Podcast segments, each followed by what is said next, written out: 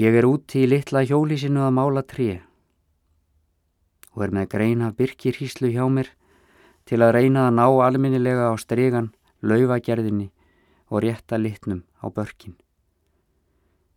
Ég bjóst aldrei við því að verða náttúrumálari, en svona fer lífið með mann.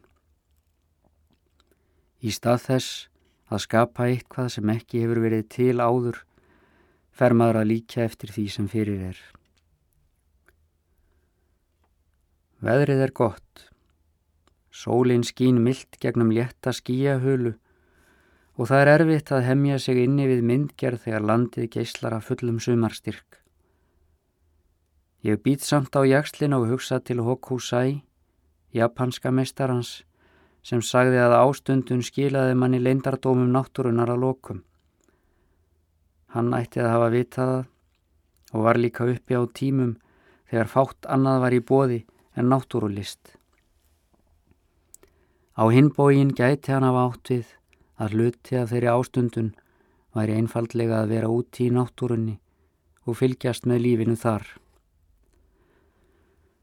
Það er komið fram undir hádegi og ég er farin að þreytast í hendinni sem heldur á penslinum.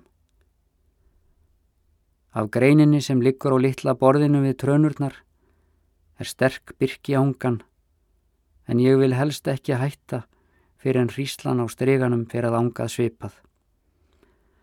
En sem komið er lyktar hún bara af terpentínu og lit.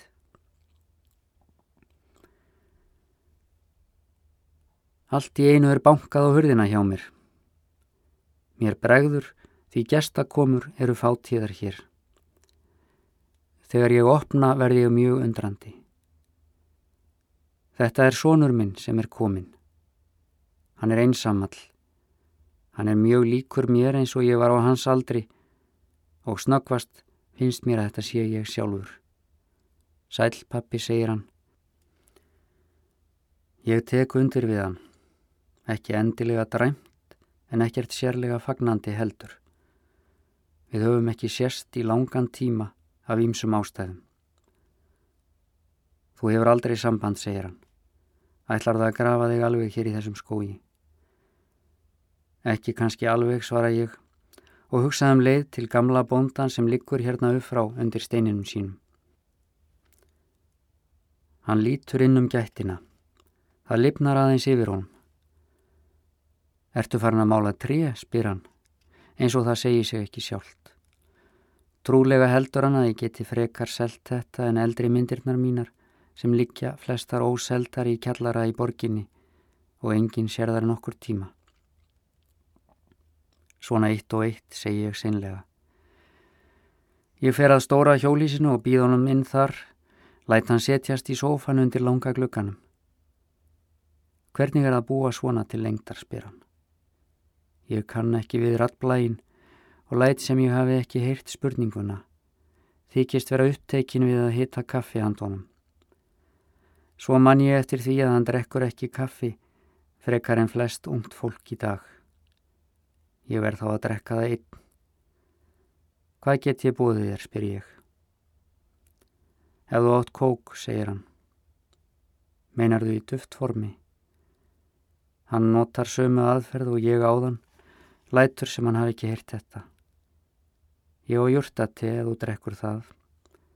Það dugar. Við söturum saman og tölum slítrótt. Það hefur lengi gengið erfiðlega hjá okkur að tala hvort við annan. Ég veit ekki til hvers hann er komin og spyr ekki að því. Í raun og veru hefðum við um nógu að spjalla ef við kemum að kjarna málsins sem við gerum auðvitað ekki. Við förum í kringum allt eins og kettir í kringum heitan graut og það hefum við gert svo lengi að grauturinn er orðin viðbrendur fyrir löngu. Ég spyr hann um borgina, um vinnuna, um kærustuna hans. Hún er farin, segir hann. Jæja, segi ég. Hvernig gengur að mála, spyr hann. En það er aðeins til málamynda. Hann hefur lengst af sínt lítinn áhuga á myndunum mínum, enda hefur hann lagt sig eftir öðrum sviðum. Sæmilega, segi ég með tregðu, hika andartak en hætti svo við að segja meira.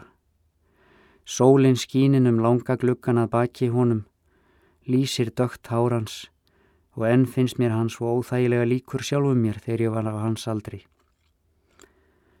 Samt næ ég engan veginn til hans, eða innmitt þess vegna, og honum finnst öruglega jafnlangt til mín yfir þetta mjóa borð hér í hjólísinu. Hann litast um, horfir á myndirnar á veggjunum sem eru ekki eftir mig, en segir ekkert um þær. Ég skinja samt að hann þykir einkennlegt að ég skuli ekki hafa hengt upp eigin myndir í staðin fyrir þessar eftirprentanir. Klukkutími líður, jafnvel einn og hálfur á þess að við segjum neitt sem skiptir máli. Þá rýs hann hægt á fætur og segist ætla tilbaka í borgina. Ég reyni ekki að stöðva hann í því, en stend líka upp og við göngum saman út á veðraðan pallin. Frábært veður, segir hann, og ég samsinni honum, enda ekki annað hægt. Ég byrða að hilsa sýsturðinni, segi ég svo. Ég sé hana aldrei, svarar hann. Fjarlægðin helst í röttinni, en auk þess kemur í hana kuldi, líkt og nöpur vindstróka hér í hlýjum sólargeislunum. Sama hér, segi ég. Hann snýr sér undan og horfir á hátt fjallið handan við ána og skógin. Hann einblínir lengi á það meðan ég stend við hlið hans og stari nýður á pallin. Svo tekur hann í höndina á mér, þjettingsfast.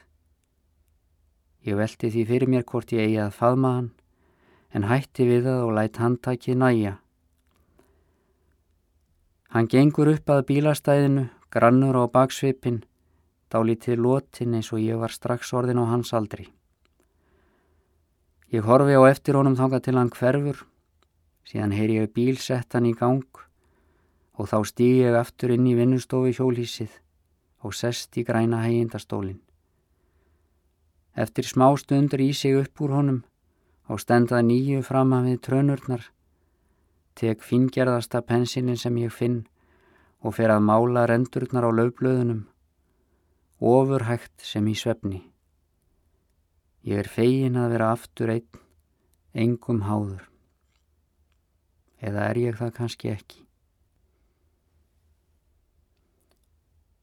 Ég mála ekki nema stuttan tíma sest þá aftur í stólinn og grýp æfisögu sjakals, fletti fram og aftur í bókinni, rétt eins og ég geti eitthvað lært um löfblaðamálun af honum sem alltaf málaði fólk svífandi um á himni, fólk án jarðsambands.